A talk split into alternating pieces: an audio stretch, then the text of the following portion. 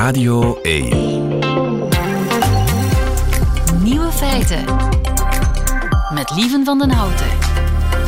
Dag en welkom bij de Nieuwe Feiten podcast van 14 maart 2022. In het nieuws vandaag de versoepeling van de schoolregels in Japan. Vorige week kwam daar de onderwijsraad bijeen om te praten over haarkleur. Want in heel wat middelbare scholen van Tokio is het hebben van zwart haar verplicht. Vorig jaar kloeg een student haar school aan omdat ze als natuurlijke brunette verplicht werd om haar haar zwart te verven. De school verloor die zaak en moest een schadevergoeding betalen van 3000 euro. De onderwijsraad van Tokio heeft daarom nu besloten dat voortaan alle natuurlijke haarkleuren legaal zijn. En bovendien ze waren toch bezig, zijn voortaan ook alle kleuren ondergoed toegestaan. Want in 13 scholen was tot nog toe wit verplicht. Wie dat moest controleren is mij niet helemaal duidelijk. De andere nieuwe feiten vandaag. Jens Fransen weet wat er dit weekend op het Oekraïnse slagveld is gebeurd en aan de onderhandelingstafel en wat de Chinezen daarvan denken. Alex Visorek onderzoekt het financiële vermogen van de Franse presidentskandidaten. Taalkundige Leonie Kornips onthult de resultaten van de koeientaalquiz. Die bestaat dus. En een paar Amerikaanse senatoren stellen voor om het Russische goud te bevriezen. De nieuwe feiten van Nico Dijkshoorn die hoort u in zijn middagjournaal. Veel plezier. Nieuwe feiten. En daar is onze defensiespecialist Jens Fransen. Goedemiddag Jens. Goedemiddag lieven. Vergis ik mij of was het eigenlijk alles bij elkaar genomen redelijk kalm militair gesproken in Oekraïne dit weekend? Eigenlijk wel. Het, uh, het zet zich een beetje voort wat wij uh, eind vorige week een stukje voorspeld hebben. Op de grond gebeurt er heel erg weinig. Maar er wordt op dit ogenblik vooral vanuit de lucht gebombardeerd. Samen met dan kruisraketten. Dus Rusland bestookt een aantal van die steden. Bestookt nu ook een aantal steden verder in het land. Hebben we gezien dit weekend. Hè. Ja, schuiven maar, op naar het westen. Schuiven op naar het westen. Maar eigenlijk. Wat is daar de bedoeling van? Wel, die, die, dat bombardement in die stad in Viv, dat was eigenlijk omdat dat een soort doorgangsportaal was voor één, buitenlandse strijders die in Oekraïne willen gaan vechten en twee, wellicht ook dat westerse militair materieel, die schouderraketten, die antitankraketten, die werden wellicht in die basis uh, opgeslagen en Rusland had gewaarschuwd dat het die wapenlevering als een legitiem doelwit ziet. En Rusland uh, zegt vaak wat het doet en doet soms ook wel eens wat het zegt en heeft dus die basis gebombardeerd. En ja, iedereen keek naar Kiev, omdat, uh, en mezelf in kluis, ik dacht dat wordt een ramp, hè. ze gaan die stad van de kaart vegen. Ja, en, en op het ogenblik ligt het daar eigenlijk een stukje stil. En ik moet eerlijk zijn, lief, het heeft me ook een tijdje geduurd om, om goed te analyseren waarom dat juist is. En herinner je dat konvooi? Ja, waar we het in het begin van de oorlog hebben over gehad. 60 kilometer. 60 kilometer. Hoe lang heeft het stilgestaan? Voilà, en nu pas is men die beelden echt goed gaan beginnen analyseren van wat dat konvooi eigenlijk is. En er komt een heel klein beetje wiskunde bij te pas, maar het is niet heel erg moeilijk. Rusland is met grosso modo 150.000 militairen naar Oekraïne getrokken. 150.000? 150.000. Dat zijn ongeveer 15 divisies van 10.000 mensen. Oké. Okay. Um, wil je Kiev aanvallen, dan heb je daar ongeveer zeven divisies nodig. 70.000 mensen, dat is een beetje de helft van die troepenmacht die eigenlijk Kiev had moeten innemen. Ja. Zo'n divisie heeft zelf een duizendtal gepantserde wagens bij, maar Zo'n divisie heeft ook 200 vrachtwagens bij die elke dag eigenlijk over en weer moeten rijden met wapens, munitie en rantsoenen. Als je niet elke dag dat, dat, dat traject kan afleggen, dan val je stil. Heen en weer, dan bedoel je tussen uh, de basis in Belarus? Ja, in, in Belarus of in Rusland en dan natuurlijk de troepen aan het front. Men heeft nu geteld hoeveel vrachtwagens, want die kolonne die bestond eigenlijk uit vrachtwagens, niet zozeer uit tanks en gepantserde wagens. En men kwam uit grosso modo op 1400 vrachtwagens. Kortom, eigenlijk zitten al die bevoorradingstrucks, die die zeven divisies, die dan Kiev moesten aanvallen, zitten daar vast. Nu is de grote vraag... Dus dat waren geen tanks, dat waren dat gewoon... Dat waren geen tanks, dat waren vrachtwagens. Gewoon, weliswaar gewoon met kerosine, munitie en, en um, rantsoenen. En dat verklaart ook waarom Oekraïne dat konvooi nooit echt heeft aangevallen. Omdat dat strategisch niet belangrijk is. Waarom? De brug voor het konvooi was ingestort en het konvooi kon niet langer vooruit, kon eigenlijk ook niet meer achteruit omdat ze elkaar vastreden. En dus hebben de Oekraïnse strijdmachten besloten om dan vooral de gepantserde wagens en, en de tanks van die divisies te gaan aanvallen, goed wetende dat die niet kunnen rekenen op bevoorrading. Oké. Wiskunde. En, en die kolonne, waar is die nu? Die kolonne is, uh, men zei, ja, die kolonne heeft zich, uh, heeft zich een stukje geherpositioneerd. Eigenlijk klopt dat ook niet. Die kolonne is in drie stukjes uiteengevallen en die hebben eigenlijk vooral beschutting gezocht in nabijgelegen bossen en plekken waar ze iets minder zichtbaar zijn voor artillerievuur. Want ze werden af en toe wel eens bestookt. Maar een echte aanval op die kolonne was niet nodig, omdat die daar toch niks meer staan te doen. Dus de Oekraïners hebben prioriteiten gekozen en zijn vooral die tanks en die gepantserde uh, uh, voertuigen gaan aanvallen, wetende dat dat konvooi eigenlijk een sit in duk is, dat, dat ze, mochten ze het willen, elk moment toch kunnen gaan aanvallen. Ja. Nu, hoe zit dat met die omsingeling van Kiev? Is dat nu gebeurd? Nee, en, en het ziet er wellicht uit dat dat ook een heel moeilijke opdracht zal zijn. Hè? Omdat je dus met die zeven divisies zit, die natuurlijk ja, nog op dit ogenblik stilstaan, want die moeten opnieuw herbevoorraad worden. Maar die kolonne staat vast. Ja, die kolonne staat vast, maar men probeert nu stukjes van die kolonne daaruit te krijgen. Men probeert ook via andere wegen die divisies te gaan herbevoorraden. Maar dat verklaart wel waarom we eigenlijk vandaag de dag een stuk standstill zien. Er zijn kleine bewegingen in, in, die, uh, in die voorsteden zoals Irpin, maar een echt groot offensief rond Kiev gebeurt niet.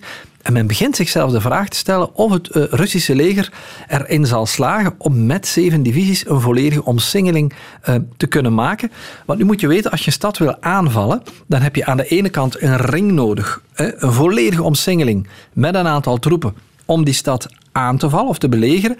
Maar tegelijk heb je een soort tweede ring nodig, want je moet natuurlijk ook altijd achter jou kunnen kijken. Hè? Want in dat hinterland, Oekraïne zelf, zit natuurlijk die lichte infanterie. Die natuurlijk van de die Oekraïners. Van de Oekraïners. Die die Russische troepen in de rug constant zou gaan aanvallen. Dus dat is logistiek. En qua planning is dat een heel zware uh, operatie. Vooral omdat, uh, ja, Kiev is bijvoorbeeld Grozny niet, hè? De, de hoofdstad in Tsjetsjenië. Kiev is een uitgestrekte stad van 3 miljoen mensen. Dus een echt Grozny-scenario, zoals iedereen uh, lange tijd vreesde, dat zit er voorlopig eigenlijk zelfs gewoon niet in. Gewoon omdat ze het niet kunnen, de. Voorlopig niet. En dan heb je nog eens als extra moeilijkheid dat midden in die stad loopt dan nog eens een heel erg brede rivier. Wat in het voordeel speelt natuurlijk van de Oekraïners die zich moeten verdedigen, maar voor de Russische troepen natuurlijk heel erg lastig is. Want als Oekraïne een aantal van die bruggen uh, bewust zou gaan dynamiteren, dan wordt het opnieuw voor Rusland ook om, voor, om, voor die beide troepen om die omsingeling helemaal rond te gaan krijgen. Uh, houden ze nog altijd vol, de Russen, dat alles volgens plan verloopt? De Russen houden dat volledig vol, maar zeggen ze, kijk, het loopt allemaal zo volgens plan dat ze toch ook heel graag willen onderhandelen. Ja, want dat zou natuurlijk ook verklaren waarom die positieve geluiden toch in één keer vrij onverwacht van aan de onderhandelingstafel klopt, hè, we zijn, en komen nog altijd. Ja, klopt. We zijn nu dag 19. Um, uh, intussen gaat het om de vierde ronde. Hè. Herinner je af en toe, hè, verwijs ik eens naar, naar die, uh, die site die het militair materieel bijhoudt. Hè. Rusland zit op het ogenblik aan bijna 1200 gepantserde wagens die vernietigd in beslag genomen of achtergelaten zijn. Dat is intussen tijd wel al één volledige divisie die zijn materiaal verloren heeft. Dus nog maar 7 procent. Dat wil zeggen dat er nog 93 procent van het Russische materieel nog altijd in, in handen is. Een heel boeiende analyse dit weekend was uh, die vanuit Chinese hoek. Hè. China bekijkt dit conflict natuurlijk ook met argusogen. Nu moet je weten... China en Rusland zijn zeker in de Veiligheidsraad altijd een stukje tactische partners geweest tegen het Westen. De Verenigde Staten hebben een aantal jaren geleden onder Obama al gezegd: kijk, Rusland is voor ons minder een grote bedreiging. We zullen zien bij de nieuwe NAVO-top deze zomer dat dat toch weer een stukje naar boven zal komen. Maar wij gaan ons vooral gaan focussen op China. China weet dat heel goed. En China zijn buitenlands beleid wordt altijd uh, gerekend en berekend vanuit één leidraad. Wat zijn de Chinese belangen? Maar dat is natuurlijk voor hen belangrijk. Een grote groeiende bevolking met een Europees-Amerikaanse afzetmarkt. Zij zijn gaan beginnen bekijken van wat als wij nu eens Rusland militair zouden gaan steunen dan komen die economische sancties ook naar Russische bedrijven. En dan wordt die economische pijn veel te groot. Oké, wat als we een neutrale... Chinese bedrijven bedoel Chinese bedrijven. Wat als China nu eens een neutraliteitspolitiek zou aanhouden ten opzichte van Rusland? Dan is de analyse, kijk, Rusland wint daar niets bij. Maar China wint daar ook niets bij. China gaat ervan uit dat de grote winnaar van dit conflict, paradoxaal genoeg, het Westen is Europa en Amerika. Omdat China ervan uitgaat, zelf al zouden de Russische tanks Kiev overmorgen of volgende week of volgende maand binnenrollen, zal het huidige Rusland dat land nooit lang en duurzaam kunnen gaan bezetten. Dat is economisch te duur, dat is militair te lastig. Dus Poetin verliest deze oorlog. En dus In alle scenario's is Poetin de alle verliezer. scenario's is Poetin de verliezer. En dus zeggen de, de Chinese denktanks, ja, dan moeten wij ons nu niet gaan aligneren met een verliezer. China kan winnen, rekening houden met het feit dat de Verenigde Staten ons gaat proberen te isoleren, want wij zijn een nieuwe grote vijand. Als wij nu diplomatiek een rol zouden kunnen gaan spelen, of als wij nu zachtjes aan opschuiven naar het Westen, dan kunnen wij misschien winnen. En dan kan het Westen, maar ook een stukje China eruit komen als de grote machten die wel degelijk een beetje uitkijken en die wel degelijk rekening houden met het internationale recht. Grote verliezers zijn dan aan de ene kant ja, al die Oekraïnse burgers, wiens land op dit ogenblik kapot wordt geschoten, maar natuurlijk ook Rusland. Ja, en dus die Russische vraag aan China, die hier en daar gesignaleerd wordt om wapens aan Rusland te leveren, China zal dat niet doen, denk je? Wel, het feit dat die vraag duidelijk open en bloot wordt gesteld, heeft natuurlijk daarmee te maken. Rusland leest die analyses ook. Had China Rusland echt willen steunen, dan doet men dat niet met de fanfare voorop. Hè? Dat Rusland nu publiekelijk heeft gekozen, is om China een stuk ja, publiekelijk in nauwe schoentjes te gaan zetten, zodanig dat China ook publiekelijk, wat niet makkelijk is voor China, hè, keuze moet gaan maken. Wij gaan niet langer aligneren met Rusland, maar wij gaan eigenlijk een stukje van kamp gaan wisselen. Ja, het eh, geopolitieke strategospel, daar, is, daar hebben wij Jens eh, voor nodig. En om dat eh, duidelijk te maken, dank Jens Fransen. Goedemiddag. Nieuwe feiten. Coucou de France. Met Alex Visorek. Oorlog of geen oorlog vanuit eh, La Maison de la Radio, zo heet dat toch aan jouw kantoor? Ja, ja, inderdaad. In Parijs. La Maison Ronde. La Maison Ronde, waar eh, Ja. Radio France huist eh, Ja. en waar onze landgenoot eh, Alex Visorek werkt en als spion fungeert voor dit programma. Eh goedemiddag, Alex. Ja, goedemiddag, lieven. Geen echte oorlog, maar les présidentielles. Nog Ah. vier weken.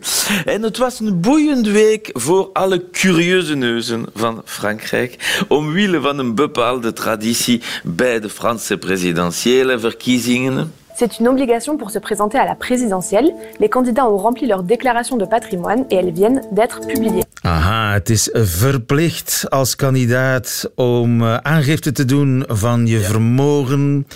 En dat wordt dan publiek gemaakt. Ja, voilà. Het gaat om een eh, hoofdprincipe, transparantie. Ah, la voilà. transparance. De vermogens van alle twaalf kandidaten worden dus blootgelegd. Eh, de goederen eh, die ze bezitten, hoeveel geld er op hun rekeningen staat, hun salarissen en ook hun schulden. De eerste keer dat er over patrimonium gesproken was tijdens één campagne. Het was in 2007. Toen verspreidden rechtse partijen het gerucht dat de socialiste Ségolène Royal fraudeerde om geen vermogensbelasting, l'impôt sur la fortune, te moeten betalen. Ze had toen dus zelfs beslist om al haar vermogens te onthullen. En ze vroeg ook dat alle andere kandidaten hetzelfde zouden doen. Tenminste, als ze niks te verbergen hadden. Natuurlijk hebben ze dat gedaan. We hebben toen trouwens eh, dingen van Jean-Marie Le Pen vernomen die je niet per se wilde weten. Je ne peux même pas vous dire ce que je paye à l'ISF. Je peux simplement vous dire que je paye à l'ISF et que, et que je porte euh, des slips d'hymne. De sleepdim. Jeetje. Ja, ben- shocking. L'ISF is l'impôt sur la fortune. Oké. En les slipdim... eh, Ik had heb altijd je- gedacht, slorry. Ja, eh ehm, nu weet je het zeker. In 2012 ging de transparantie een stap verder. Na een politiek schandaal heeft, eh, het bleek dat de minister van Begroting, die dus de belastingontwijking bestreed, een paar onaangegeven rekeningen in het buitenland had. La haute Autorité pour la transparance de la vie publique werd toen gecreëerd. Deze instantie eist nu dat alle Franse politici hun vermogens aangeven, zodat de Fransen eh, dit kunnen raadplegen. En in 2017 werd het systeem voor de eerste keer verplicht voor de kandidaten aan de presidentieel. Het is dus nog maar de tweede keer dat de Fransen het patrimonium van hun kandidaat officieel te weten komen. En natuurlijk vinden de Fransen dat super interessant. Nous, on veut jamais dire nos salaires, c'est hyper tabou. Eux, ils doivent tout dire. Sans plus attendre, donc, jouons tout de suite à qui a gagné des millions.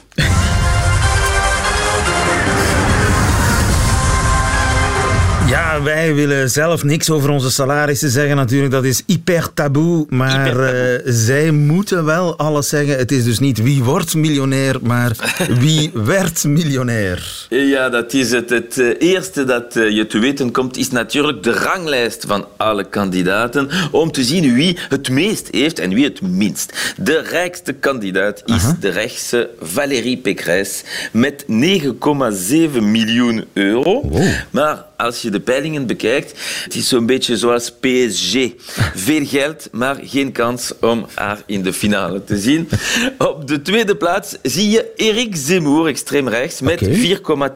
4,2 miljoen. Op de vijfde plaats Marine Le Pen, 1,2 miljoen. En aan de andere kant van de ranglijst vind je Philippe Poutou, qui déclare 122 000 euros de patrimoine, soit 80 fois moins que Valérie Pécresse. Ja, 122.000 euro. Ja. Dat is de hekkensluiter, Philippe Poutou. Ja, extreem links. En eh, dan heb je ook de trivia-vragen. Quel candidat roule en smart? Qui a 5 appartements, dont 4 à Paris? Et qui possède un tableau de Miro? Aha. Ja, wie rijdt er met een rijdt- smart? Ja, wie heeft vijf appartementen? Wie is de eigenaar van een schilderij van Miro?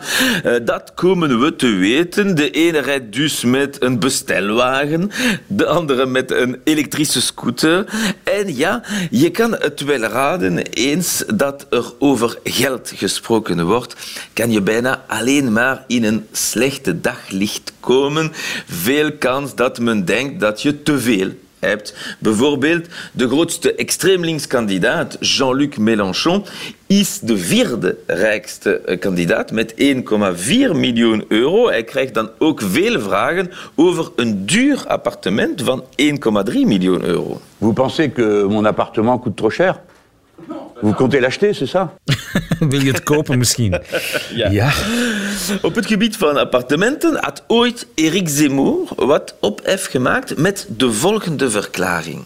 1,3 million à Paris, euh, c'est un 100 mètres carrés. C'est pas ce qu'on appelle des riches. Aha, je bent niet Fijn. rijk als je een appartement van een miljoen drie hebt in Parijs. Nu weet je Want dat is maar 100 vierkante meters. Ja, nu blijkt dat hij dus vijf appartementen bezit voor een totaal van 3 miljoen.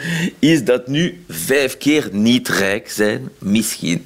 Maar er zijn ook eh, wel kandidaten die verrassen eh, door minder te bezitten dan wat je zou verwachten. Allee, er is eh, eigenlijk één kandidaat die zo is in de ranglijst van vermogens, is, dat is Emmanuel Macron.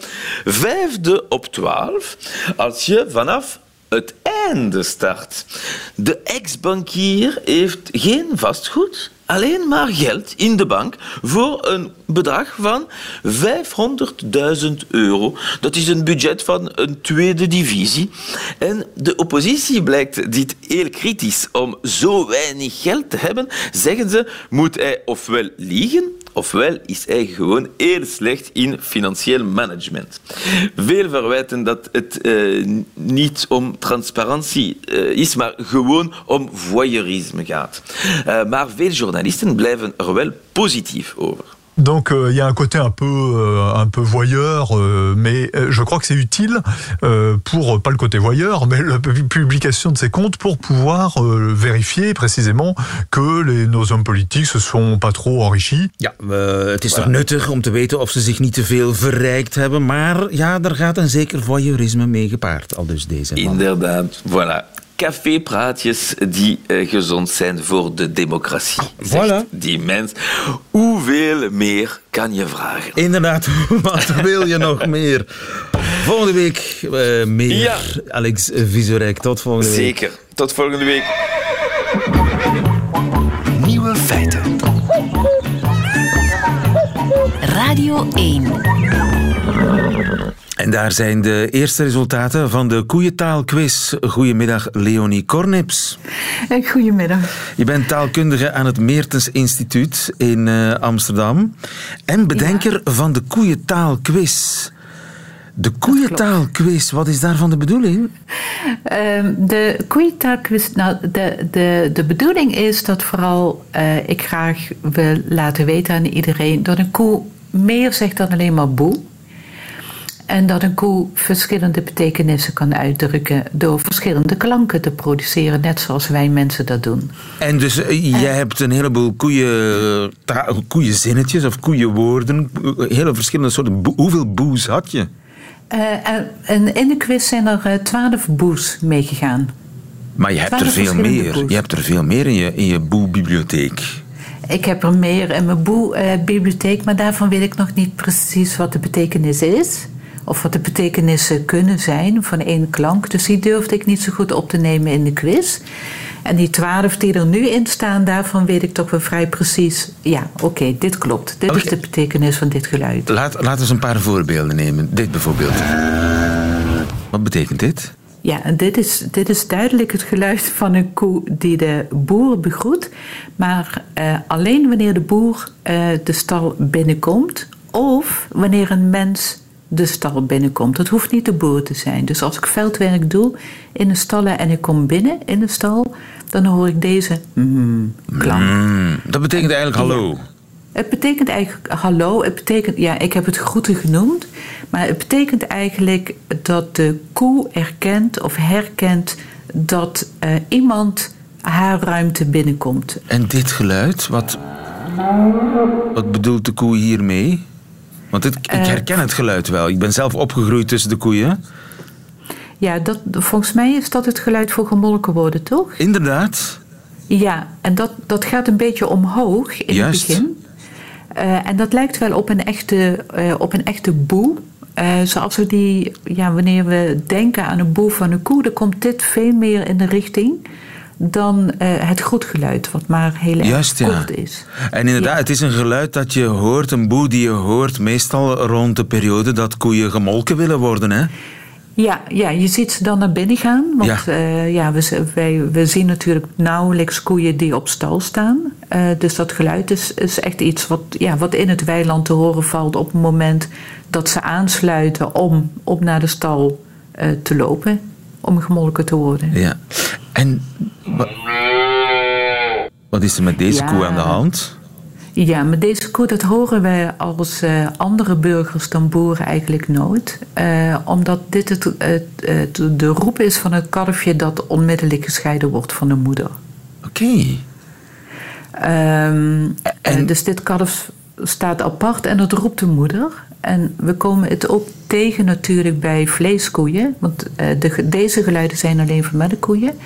En bij vleeskoeien uh, loopt het kalf natuurlijk mee met de moeder altijd. Maar kan ook daar gescheiden worden van de moeder, omdat ja, er staat misschien. Uh, zijn er twee weilanden en de moeder is al voorop gegaan en het kalf loopt nog achter bij de crash met de andere kalfjes. En dan zou ze dit, hij of zij dit geluid kunnen afgeven. Ja, ja, het is dus echt een volledig vocabularium. We doen er nog eentje. Ja. Dit ken ik ook, zo dat heese, dat... Ja, dat betekent dat de koe echt tochtig is. Uh, dus ze wil gedekt worden. Oké. Okay. Denk ik. Dat dat is inderdaad zo, ja. En, uh, ja, en een koe is iedere drie uh, weken tochtig. Uh, en ze kan maar op één dag eigenlijk, de boer moet, daar, moet dat geluid heel goed kunnen herkennen. Want uh, ze kan alleen maar gedekt worden op, op het hoogtepunt. En dat is ja, één dag eigenlijk. Ja, dus het is wel belangrijk dat we die koeientaal, tenminste de, de mensen die met koeien omgaan, dat die die koeientaal goed verstaan. Ja, eigenlijk wel. om, om te kunnen boeren, laat ik het zo zeggen. Maar ook vooral vanuit het perspectief van de koe. Hè, die probeert van alles aan te geven ik wil het zo en zus gedaan hebben. Uh, om, ja, om die geluiden serieus te nemen. En nu, wie heeft er allemaal meegedaan aan die quiz? Zijn dat boeren? Ja, Ja, absoluut. Dus er hebben in totaal echt veel mensen hebben de koeienquiz ingevuld. Bijna 1500 uh, mensen. En daarvan zijn er ruim 300 melkveehouders. En zijn die heel goed in de koeientaal? Ja, ja ze zijn beter in het herkennen van de geluiden.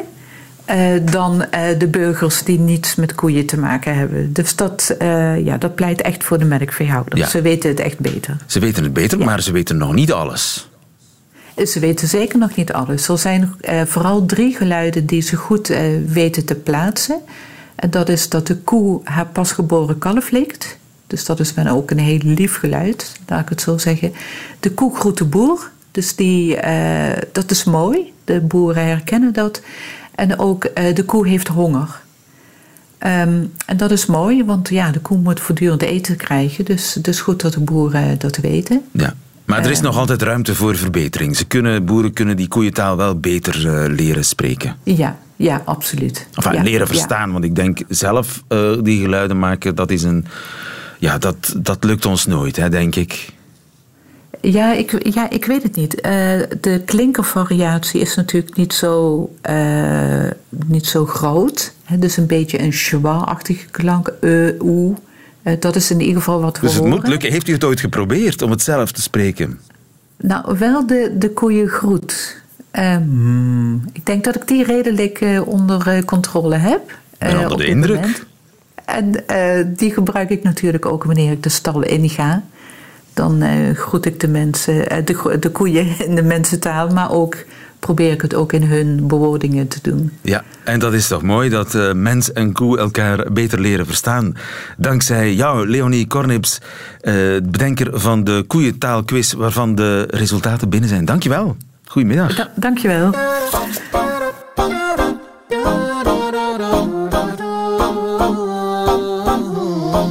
Nieuwe feiten. Een paar senatoren in Amerika hebben een wetsvoorstel ingediend dat de Russische goudreserves moet bevriezen. Om zo een achterpoort te sluiten waaruit Rusland zou kunnen ontsnappen aan de sancties. Tom Simons, goedemiddag. Goedemiddag. U bent uh, financieel econoom bij KBC. Hebben de Russen veel goud? Ja, ze hebben behoorlijk veel goud. Vooral omdat er sinds de inval in de Krim heel actief is gewerkt om die voorraden op te bouwen. En die zijn nu ongeveer uh, 132 miljard dollar waard. Dus die is absoluut niet min. Ze zijn een van de grootste goudbezitters ter wereld. En waar is dat goud? Dat goud bevindt zich voornamelijk in Rusland. Uh, vroeger was dat anders. Dat was over alle banken anders. Dan was dat uh, voornamelijk in Londen en in, het, uh, in de VS aangehouden.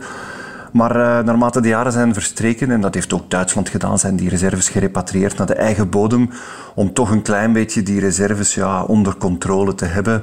Want je weet maar nooit wat er gebeurt. En overduidelijk heeft Rusland na de sancties die werden opgelegd door de invasie van de Krim toch wel begrepen dat het beter is om dat goud in Moskou te houden dan in, uh, dan in de Verenigde Staten. En dat is ook gebeurd. En die Amerikaanse senatoren die vrezen dat het een soort achterpoortje kan zijn om te ontsnappen aan de sancties. Klopt dat?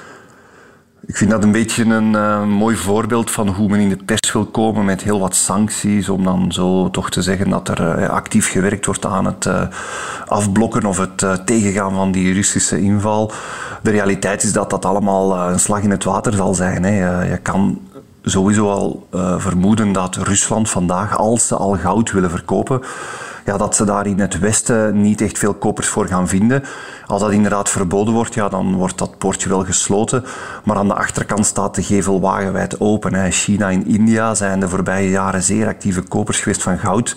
En uh, net zoals de andere opkomende landen zijn dat, uh, zijn dat twee zeer grote landen die niet de sancties ondersteunen die wij vanuit het Westen opleggen. Dus leuk om lezen, maar in de realiteit gaat dat uh, geen, uh, geen deuk in een pak boter slagen. Ja, ja, want ze zouden dat goud kunnen gebruiken om alsnog aan buitenlandse deviezen te geraken. Ja, dat is, dat is de logica. Hè. Dus je ziet wel, en dat heeft de Russische Centrale Bank twee weken geleden gezegd, dat ze zeer actief blijven goud kopen vanuit Russische goudproducenten, dus vanuit de bedrijven. En daar zitten er wel een heel pak. En dat goud ja, kan verkocht worden indien nodig aan een koper. Dus dan is natuurlijk de vraag wie de koper kan zijn. Kijken we onmiddellijk naar Rusland of India, uh, sorry, uh, China of India. Uh, ja, en als de oorlogsmachine moet gefinancierd worden, ja, dan is dat natuurlijk niet onbelangrijk.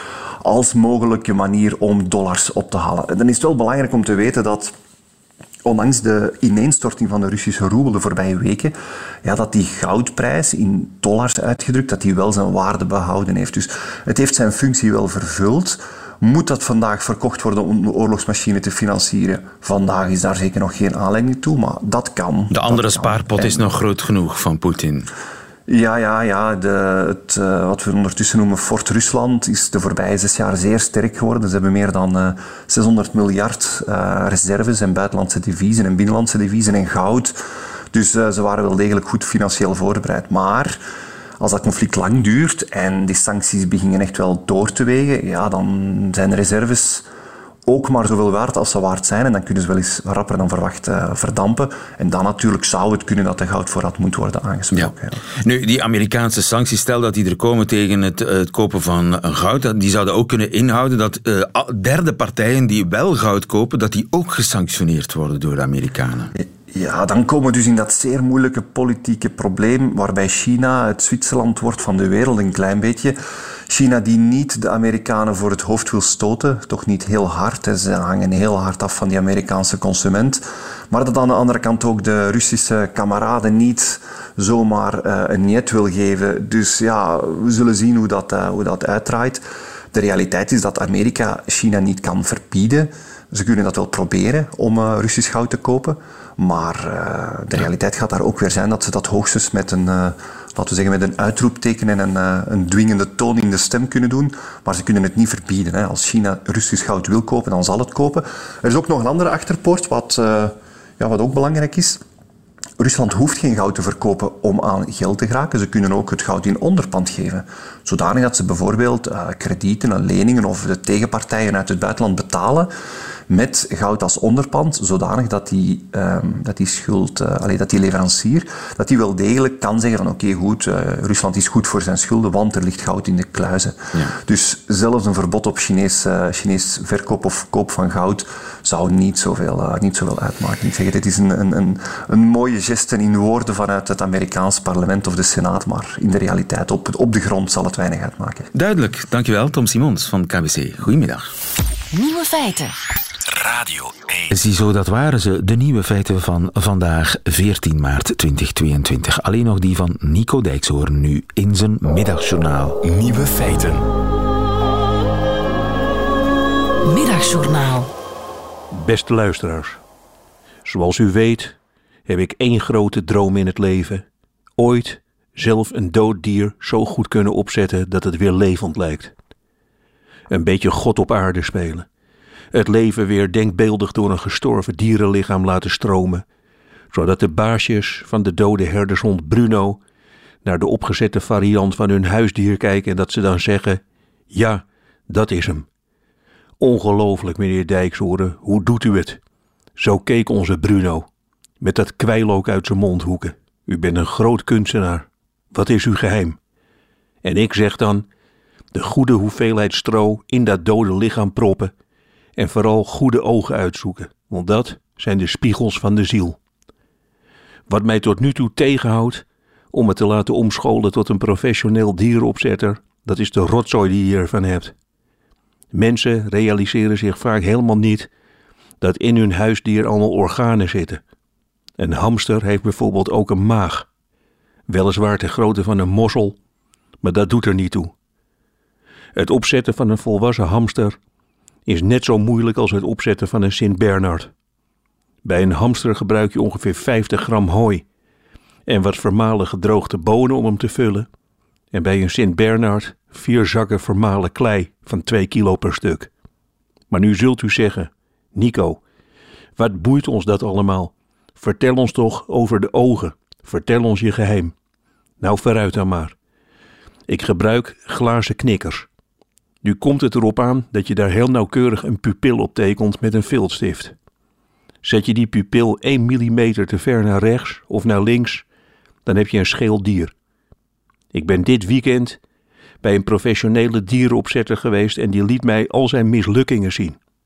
Die stonden bij elkaar in een enorme schuur naar zijn huis. Luisteraars, ik weet zeker dat ik daarvan ga dromen. 269 schele dieren naast elkaar met een touw eromheen. Het is precisiewerk. Zo moet Rembrandt zich hebben gevoeld toen hij de ogen schilderde van al die mannetjes op de nachtwacht. Eén verkeerde beweging en er had een schele gek met een trommel op het schilderij gestaan. Het prettige van dieren opzetten is dat ze hun geld niet terugvragen. Je kunt bij een overleden konijn desnoods één heel slecht oog in zijn voorhoofd zetten en dan hoor je hem niet klagen. Maar luisteraars, het gaat uiteindelijk allemaal om die paar woorden van het ex-baasje. Dat ze kijken naar hun opgezette paard en dat ze dan zeggen: Ja, Nico, zo keek hij. Precies.